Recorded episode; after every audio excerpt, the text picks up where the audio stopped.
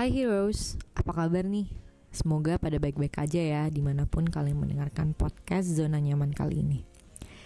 Di Zona Nyaman kali ini aku bakal ngebahas tentang toxic people yang bisa dipastikan hampir dari kita semua itu pasti pernah bertemu sama toxic people.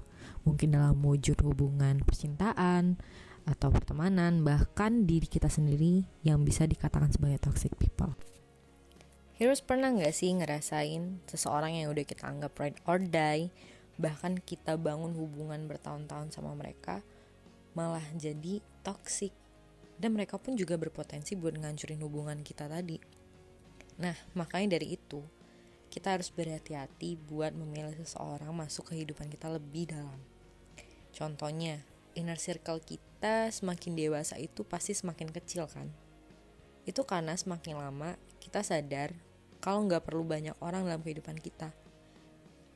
Yang penting itu quality, bukan kuantitinya.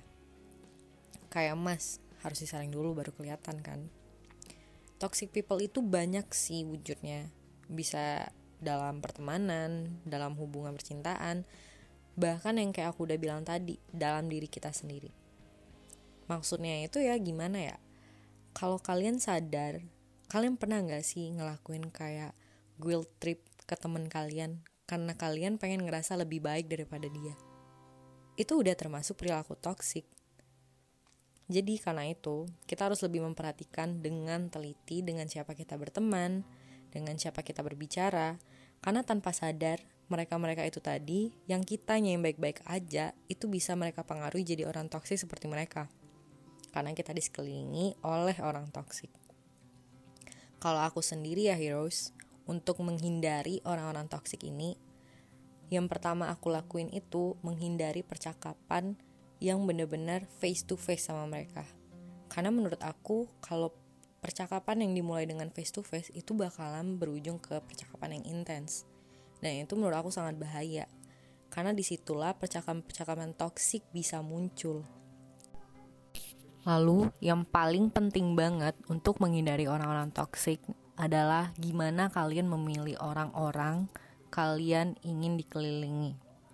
Kalau aku sih ya nggak mau ya dikelilingin orang toksik. Maka dari itu aku memilah-milah teman-teman yang buat di inner circle aku.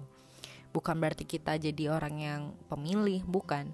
Itu bagus karena positive vibes itu diperlukan banget apalagi dalam kondisi yang seperti ini yang di mana kita nggak pernah ketemu orang asli dan kita hanya ketemu lewat sosmed doang bersapa lewat sosmed.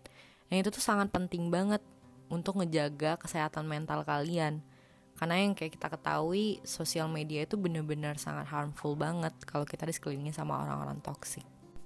Jadi yang paling terpenting untuk menghindari orang toksik itu adalah hal yang pertama kita bisa lakuin tentunya memilah orang-orang yang buat ada di inner circle kita.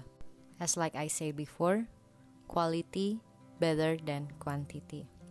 Jadi remember ya heroes, di mana pun kalian berada, untuk memulai sesuatu hubungan, kalian harus make sure kalau orang itu nggak toxic ataupun diri kita sendiri nggak toxic. As like Sahida Arabi say, when you notice someone does something toxic the first time, don't wait for the second time before you address it for cut them off. Many survivors are used to wait and see tactic which only leaves them with vulnerable to a second attack. As your boundaries get stronger, the wait time gets shorter. You never have justify your intuition. Aku Mila, sampai jumpa di zona nyaman selanjutnya.